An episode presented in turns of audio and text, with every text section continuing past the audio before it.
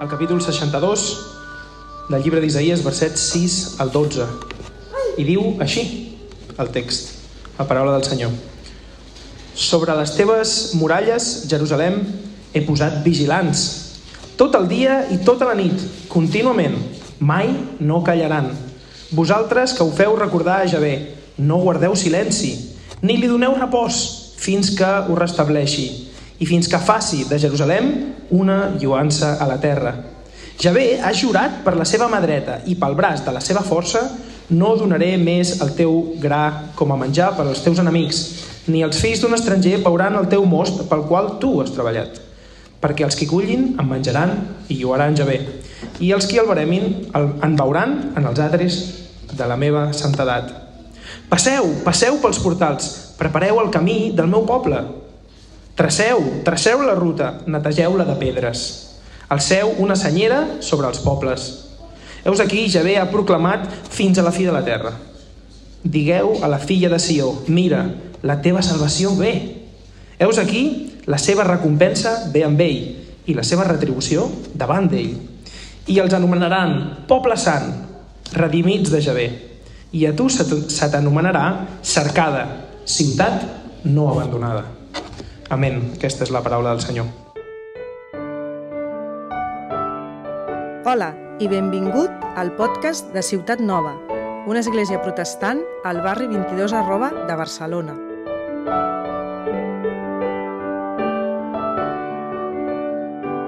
Som al setembre i continuem amb la nostra sèrie eh, d'aquesta missió, sí? Aquesta missió a l'Església, que hem de llegir un text d'Isaïes que parla de Jerusalem. Um, en realitat no hem llegit el capítol sencer, però val la pena que us posi una miqueta en context i veure de què estem parlant. Hem llegit un, un, un text que parla de vigilants en unes muralles i fa una crida a gent a treure pedres del camí. A veure si algú relaciona això amb la nostra missió com a església. I els temes que trobem en aquest capítol d'Isaïes 62 ens ajuden molt a pensar a què ens està cridant nosaltres el Senyor com a església, sí? com a comunitat. I, de fet, no només aquest capítol, sinó tot el llibre d'Isaïes. I mm, permeteu-me que comenci fent-vos una pregunta. Sí? No és perquè ningú se senti incòmode, sinó per fer-nos reflexionar. No és que aquestes preguntes ens hagin de fer sentir malament, però sí que ens han de fer preguntar-nos per què fem el que fem. Sí? Així que la pregunta és, eh, per vosaltres avui és per què som aquí a Barcelona? Per què som aquí a Barcelona? Potser és una pregunta que tu també et fas. I de fet, certament, molta gent s'ha estat fent aquest tipus d'autoexamen i més després del Covid. Um, on vull viure, per exemple. Llavors la meva pregunta és per què seguim aquí a Barcelona? I, com tots sabem, si ets dels molts d'aquesta comunitat que no vius a la ciutat de Barcelona, perquè són molts, eh, eh, per què som aquí, en aquesta església, si vivim en una altra ciutat? Sí? És una bona pregunta, no? Com mínim és bona pregunta, no? Eh, potser vivies aquí quan vas començar a venir a l'església, que ningú es preocupi, eh? No està malament, no us estem fent fora, eh? Sisplau, no marxeu, eh? No. Potser vivies aquí com vas començar a assistir a l'església, o t'agrada un aspecte d'aquesta església, pues, més que les altres, sí? Sobre altres esglésies. Potser no hi vius, però segueixes tenint un cor per la ciutat. Sí? Potser no tens ni idea de per què ets aquí i penses, ostres, doncs molt bé, així avui potser algú em dirà per què estic aquí. Eh, no en tinc ni idea. Potser algú, o esperes que algú respongui a la pregunta o el Senyor et doni algun sentit de direcció al per què estic aquí. I m'agradaria dir-vos que tenim un web i que en el nostre web diu així, ¿vale? si cliques a qui som, diu som una església per la ciutat de Barcelona. Això diu el nostre web, església. Som una església per la ciutat de Barcelona. I si segueixes llegint el nostre web, diu som una església amb un cor per la ciutat. Estimem la nostra ciutat, estic llegint textualment. Estimem la nostra ciutat i la seva gent i volem servir-los. Moguts per l'Evangeli de Jesucrist, volem buscar el bé de Barcelona i ser un senyal d'esperança. Doncs tu que ets avui aquí, o ens escoltes després perquè estem gravant, sí? Eh, vull que sentis això. Déu t'ha portat aquí perquè visquis per ell. Allà on et dugui el Senyor sempre serà així, eh? A Barcelona o a qualsevol altre lloc, si Déu t'ha portat aquí és perquè visquis per ell aquí. I llavors tu que ets aquí, la crida avui és viu pel Senyor Jesús. Viu per Jesús a la ciutat. a Barcelona. Ara, com es fa això? Com ho fem? Això vol dir que haig de viure aquí, en aquest barri? Això no és la pregunta que volem respondre avui. Com es fa això? Com es viu per Jesús en la ciutat? Per què és tan important que ho fem i com ho hem de fer? Em seguiu? Doncs en això pensarem en aquest matí. I Isaías 62 ens parla de com viure per Jesús a la ciutat. I veurem eh, tres punts per variar. En primer lloc veurem la centralitat de la ciutat. Ens agradi o no, potser algú que ens escolta és molt de poble i odia la ciutat. Per la contaminació, pel fum, perquè si miro al cel a la nit, aquí no es veuen les estrelles, i dius, això de la ciutat, massa bombo li donem a la ciutat. Doncs, Església, em sap greu, però veurem la centralitat que té la ciutat en el pla de Déu. Després veurem que viure per Jesús a la ciutat és viure en pregària i finalment veureu, veurem com viure per Jesús a Barcelona implica acció. Llavors, la predicació d'avui es pot resumir, si algú se n'ha d'anar aviat, a Dios rogando i con el mazo dando, església. Sí? Eh, comencem amb la centralitat eh, de la ciutat. Aquest és el primer punt. Repeteixo, eh? La centralitat de la ciutat, viure per Jesús a la ciutat és pregar i viure per Jesús a la ciutat implica acció. Comencem amb la centralitat de la ciutat. No l'hem llegit, però deixeu-me que llegeixi el primer verset vale, d'aquest capítol 62 d'Isaïes, perquè resulta que això és el Senyor parlant. I si algú ho pot buscar, el primer verset d'Isaïes 62 diu així, jo el llegeixo, eh? Per causa de Sió no callaré, i per causa de Jerusalem no estaré quiet, fins que la seva justícia surti com resplendor i la seva salvació com una torxa que crema. Això és un Déu que està dient, per començar, que no pararà, que no pararà fins que Jerusalem, Sió, que són el mateix, sí? la seva justícia surti com resplendor i la seva salvació com una torxa que crema. Un Déu que diu que no pararà. I Sió i Jerusalem són intercanviables, ¿vale? I mm, hem llegit el verset, el verset 7 que diu a uns vigilants no li doneu repòs fins que ho restableixi, fins que faci de Jerusalem una lluança a la terra. I, mm, òbviament, aquest text està parlant de Jerusalem i no de Barcelona. Però avui que el que veiem aquí és que el gran tema d'Isaïes s'aplica a nosaltres. Tot, tot el llibre d'Isaïes fa un contrast i presenta a Jerusalem com una, com una ciutat perduda. Vale? Vull que us quedeu amb això. Una ciutat que està perduda, sense fe, que està plena de pecat, vale? i plena del rebuig del Senyor. I com aquesta es pot convertir en la ciutat fidel que ha de ser i que ha de resplendir. Aquest és el gran tema d'Isaïes. Sí? Un contrast entre una ciutat perduda i una ciutat que resplendeix. D'això tracta Isaías, una història de dues ciutats, la ciutat infidel i la ciutat celestial. I la trama de tot el llibre, de tot aquest profeta, parla del que Déu farà per passar d'aquí a aquí. Sí? Per dur a terme aquesta transformació. I Déu el que farà és intervenir, ja us ho dic ara, en l'espai-temps, en la història, a través del seu servent. Aquest servent que resulta que és el propi fill de Déu, Jesucrist. I d'aquest servent parla Isaías. I a la mesura que avança el llibre, te n'adones que Jerusalem... Ui, Jerusalem no és només Jerusalem. A mesura que vas llegint, te n'adones que la ciutat de Jerusalem no és aquella ciutat de l'Orient Mitjà, sinó que és més aviat un símbol, una imatge del que Déu està fent en tota la humanitat, en tota la Terra. M'enteneu? Per això llegim, al final, Apocalipsis 21, aquell text tan famós, que al final de tota la història de la Bíblia el que passa és que vaig veure un cel nou i una terra nova, estic llegint Apocalipsis 21 i 2, eh? no cal que el busqueu. Perquè el primer cel i la primera terra han passat i el mar ja no existeix. I jo, Joan, vaig veure la ciutat santa, la nova Jerusalem, que baixava del cel de part de Déu, preparada com una núvia adornada per al seu repòs. Llavors la pregunta és, com es pot convertir una ciutat infidel en una ciutat fidel? Com pot ser redimida? Jo no sé quina visió tu tens de Barcelona. No sé si veus que això està molt infidel o que Barcelona doncs, no està tan malament. Aquesta és realment la gran trama de la història d'Isaïes. Com canviarà Déu aquest món, aquesta ciutat, aquest Jerusalem? Sí? Com el renovarà? I si entenem això, potser canviarem fonamentalment la manera en què veiem la nostra ciutat també, Barcelona. Vale? Llavors tornem a la pregunta, per què ets aquí? Per què ets a Barcelona? I deixeu-me que faci jo una, eh, una tentativa de veure per què la gent va a la ciutat. Vale? La majoria de les persones venen a les ciutats perquè volen obtenir alguna cosa de la ciutat. No sé si esteu d'acord. La gran majoria de gent va a la ciutat perquè a la ciutat hi pots trobar tot el que vulguis. Excepte el que hem dit abans, eh? tranquil·litat, ocellets i estrelles a la nit. Sí? Però a la ciutat hi pots trobar tot. Hi pots trobar una carrera professional, hi pots trobar el que vulguis que puguis comprar i que no trobes al poble, hi pots trobar relacions, hi pots trobar comunitat, hi pots trobar tots els tipus de persones i de col·lectius. Hi pots trobar feines, hi pots trobar estudis, hi pots trobar una carrera professional, diners, fama, sí? Menys tranquil·litat, però hi pots trobar de tot. La majoria de nosaltres volem aconseguir alguna cosa de la ciutat. Volem una trajectòria, el que sigui, diners. Volem fer servir la ciutat, m'enteneu? El que fem a la ciutat és utilitzar-la. És pobreta, eh? L'estem utilitzant. Potser no ho expressem així i potser no ens n'adonem. La majoria de cristians possiblement ens impregnem involuntàriament d'aquest fet i som aquí a la ciutat també per obtenir alguna cosa. I a la nostra església, molts de nosaltres, m'incloc, només venim a la ciutat perquè el culte a l'església és aquí. Perquè jo, perquè jo tinc així com un discurs a la veu una mica de poble, hem viscut sis anys al Poble Nou, i cada vegada que torno dic, ostres, és que conduir per Barcelona m'imposa. La penya, els taxis, les bicis, amb el que es condueix, sí? La pregunta és, molts de nosaltres només venim a la ciutat perquè el culte de l'església és aquí, per obtenir-ne alguna cosa?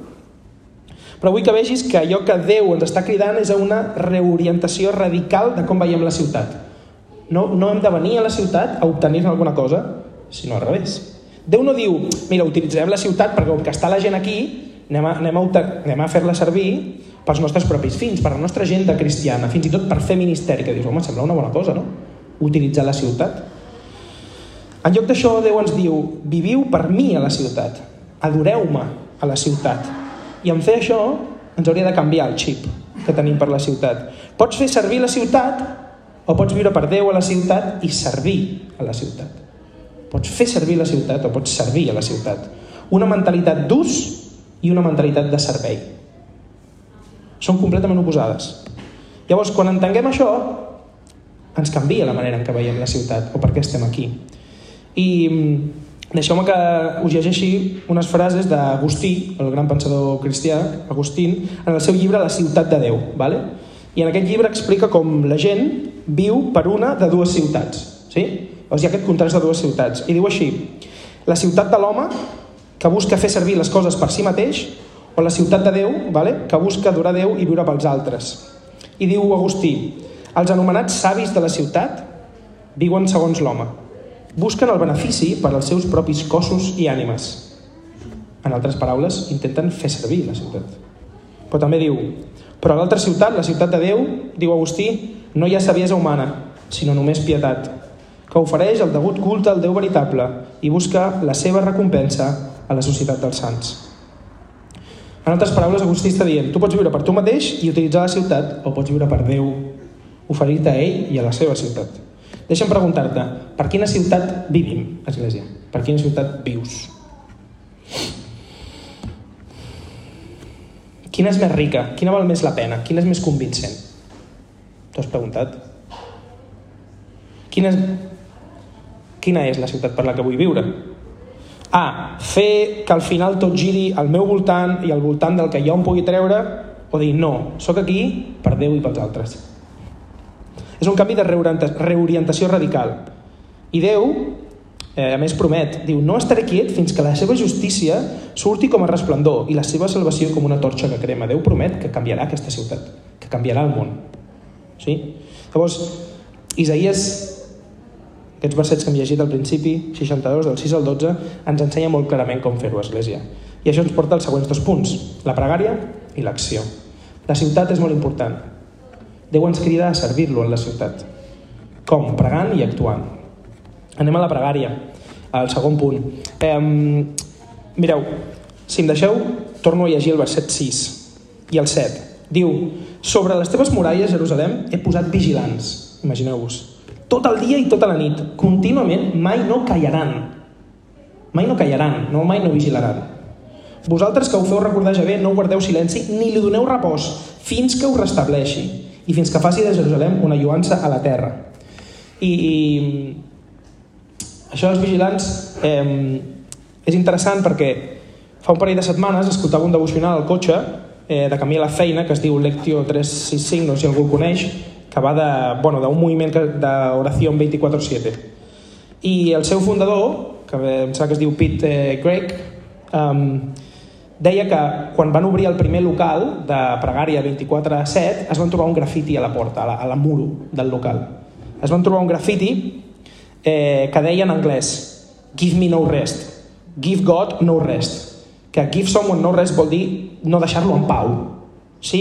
Com no, no em deixis estar, no deixis a Déu en pau.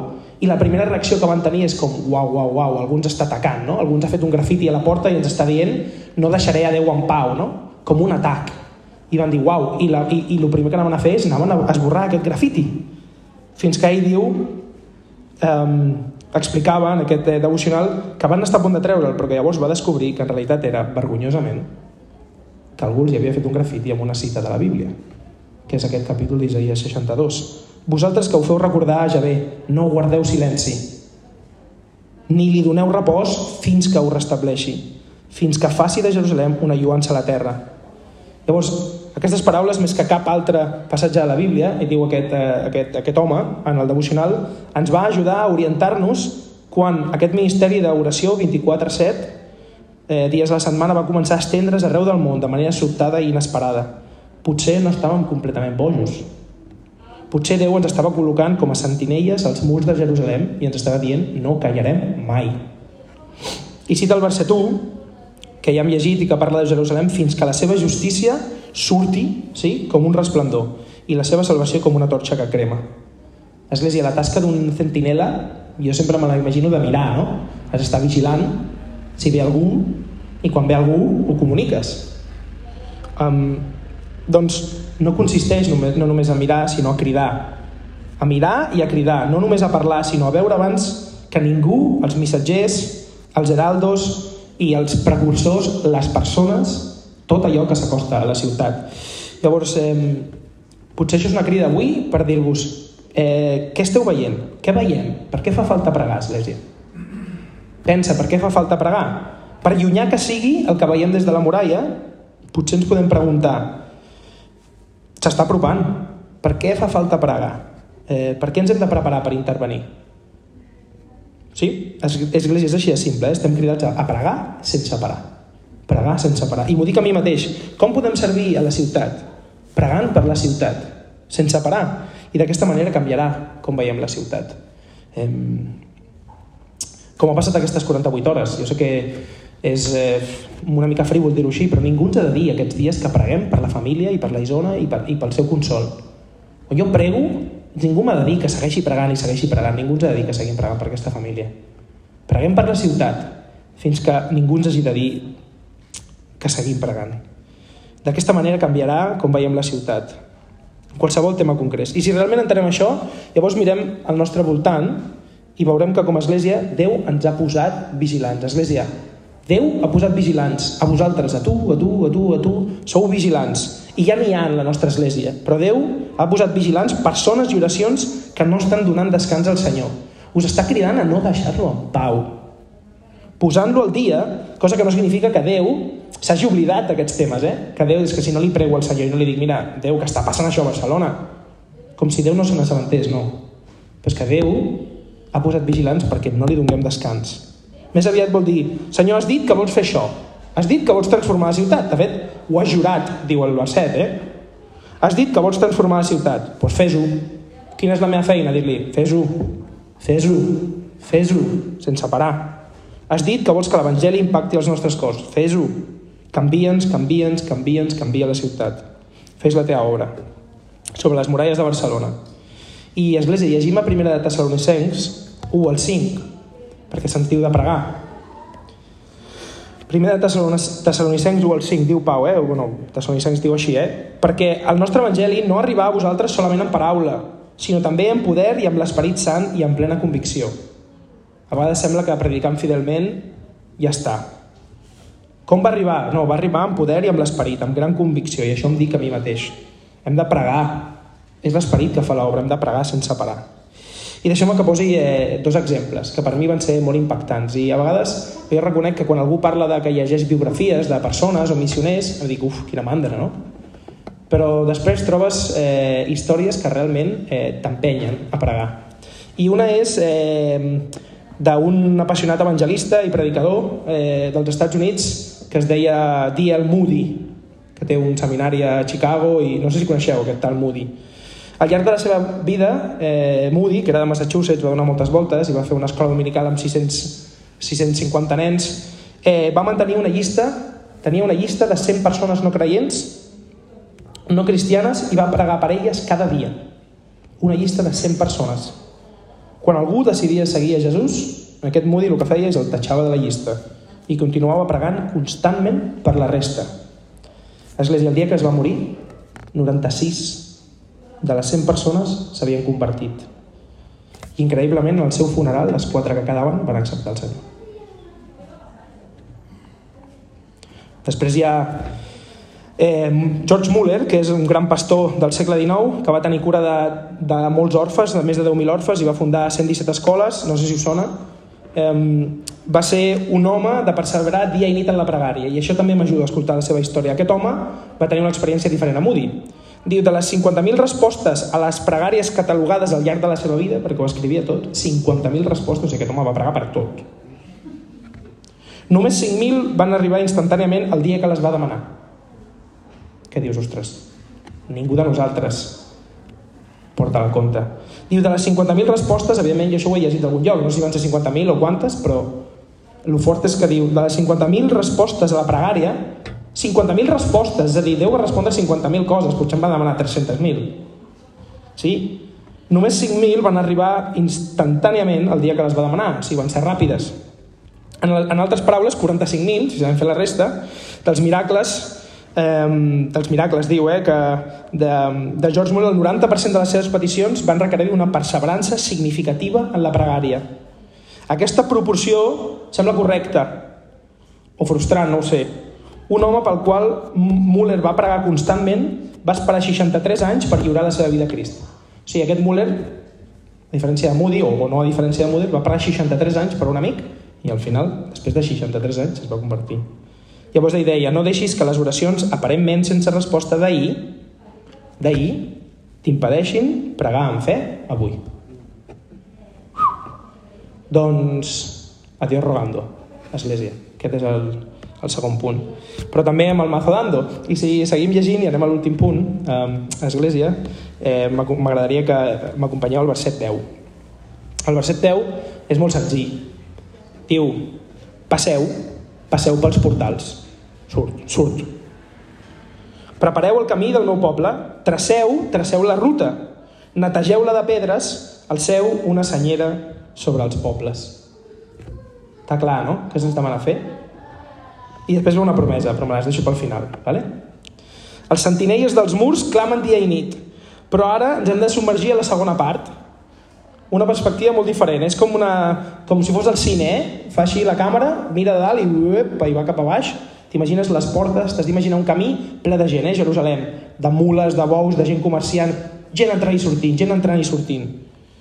Com si la càmera es desplacés. Un camí atapeït de gent. On els obrers estan arreglant la carretera, estan traient pedres del camí. Quina imatge, no? Treure pedres del camí. I aixecant senyals de benvinguda benvinguts, és per aquí. Sí? Heu anat alguna vegada a la muntanya i heu estat perduts i heu vist el típic monolito de 10 pedres i dius, bueno, té bona, si, si hi ha aquest monolito de pedres que potser anem bé, no? Doncs això és el que feien. Algunes persones pensen que si ens retirem i preguem sense parar, Déu farà la resta. I la veritat és que és cert, eh? Déu pot fer el que li doni la gana i nosaltres no hem de sortir. Però Déu ens està cridant a també sortir pels camins. Però aquest missatge mostra que hem de ser molt pràctics en les nostres oracions i sortir de les portes de la ciutat i embrutar-nos les mans perquè Jerusalem sigui visible i accessible, ho enteneu? Posa cartells i, i fes el camí. És que ens diu, fes el camí i retira pedres. Més clar no pot estar. Guiem a les persones a aquesta ciutat del Senyor.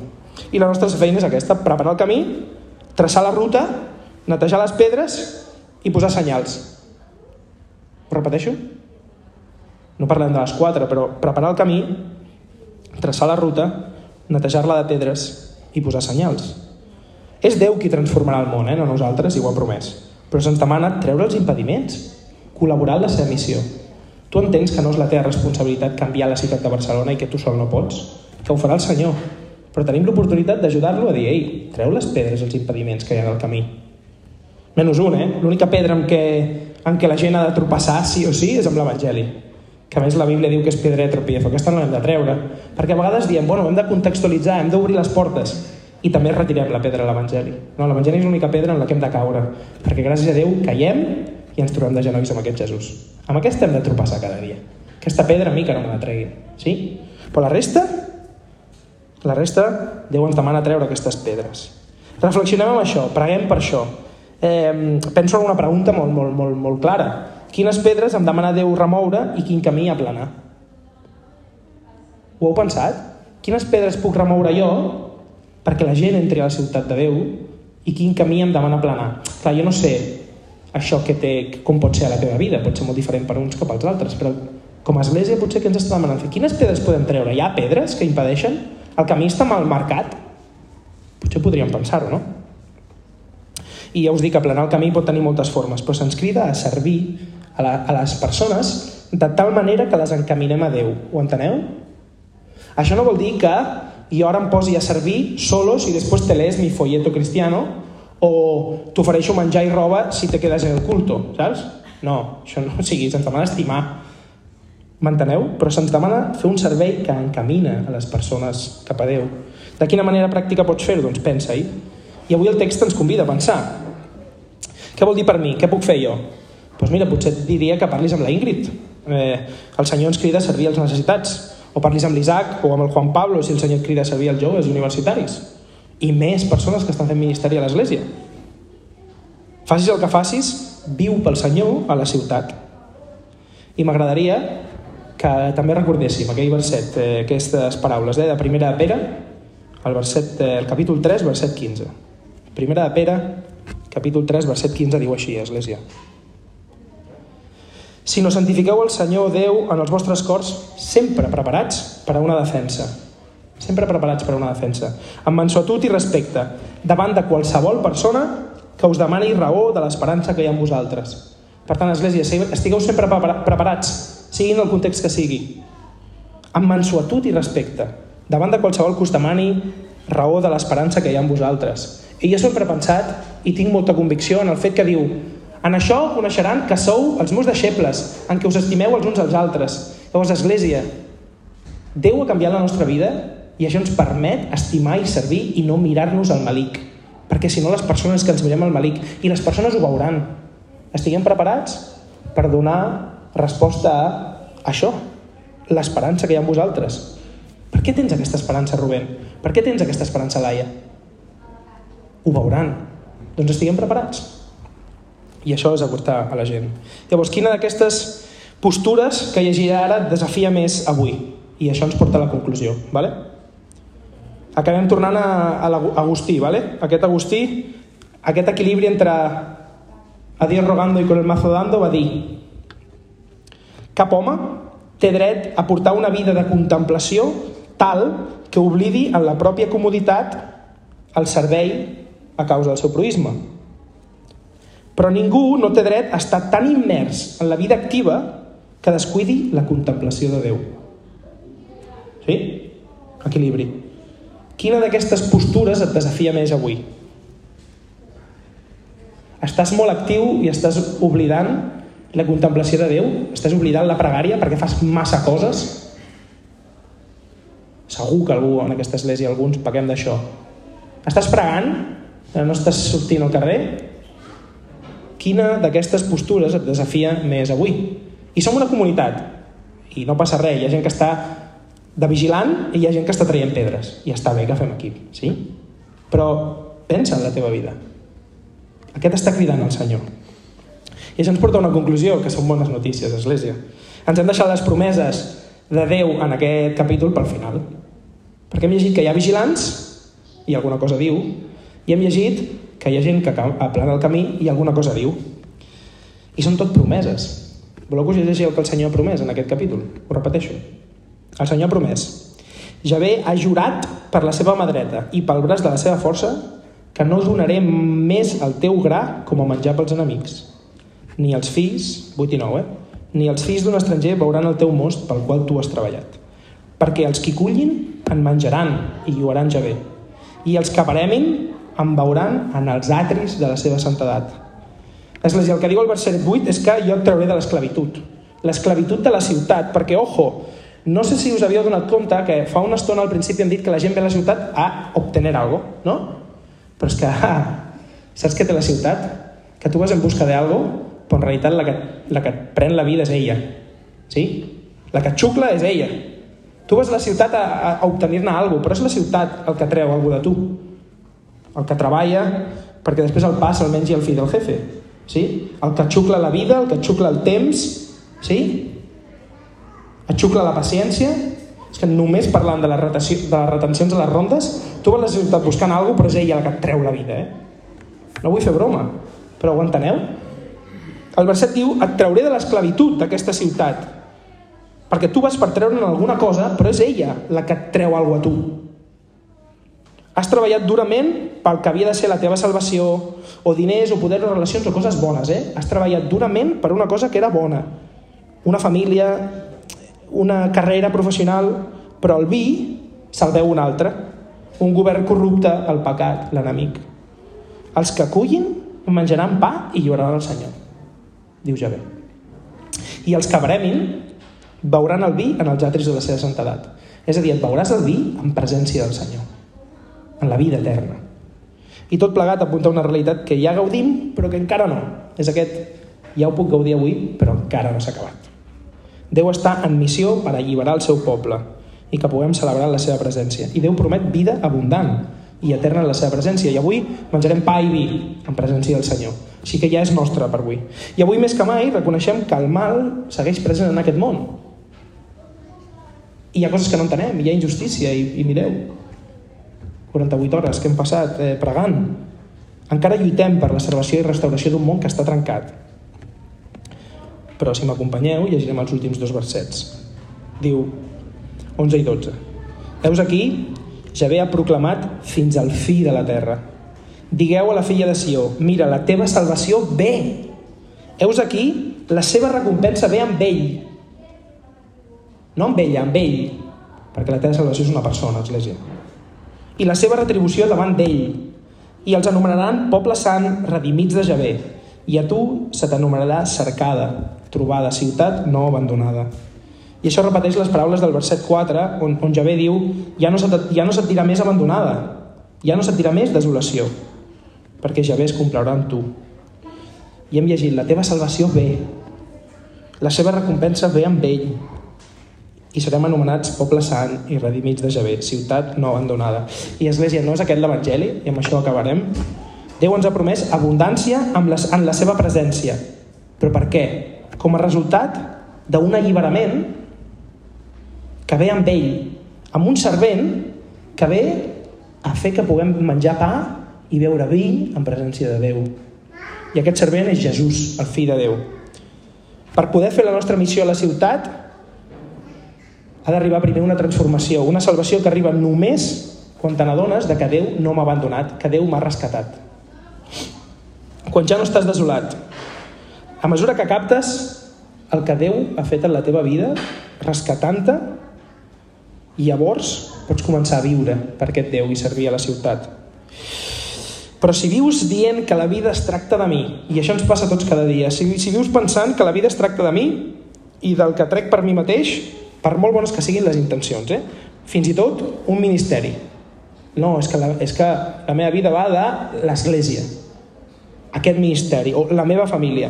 Llavors estàs empenyent a Déu fora, a la perifèria, fora les muralles. Llavors estàs abandonant Déu. Però les bones notícies és que Déu no et deixa aquí. Te n'adones que ell a tu no t'abandona. I Església ho va dir Isaías, però és que Déu va intervenir en l'espai-temps, en la història de la humanitat, en la persona del seu fill, Jesús. I el seu fill va viure, va viure la vida perfecta que tu havies de viure i no has viscut. I va morir a la creu que tu i jo mereixíem. I quan era la creu, sabeu què va dir? Jesús va dir, Déu meu, per què m'has abandonat? Però és que hem llegit que Déu va dir, no, no, és que ja no seràs mai més dit a Jerusalem ciutat abandonada. I és fort perquè el preu és molt alt. Déu va abandonar el seu fill perquè tu i jo no siguéssim abandonats. Jesús va dir, Déu meu, per què m'has abandonat? El pare va abandonar el seu fill a la creu. Per què? perquè tu no siguis abandonat. No només perquè siguis perdonat, que ja és meravellós, sinó perquè siguem anomenats poble sant, redimits de Javé, ciutat no abandonada.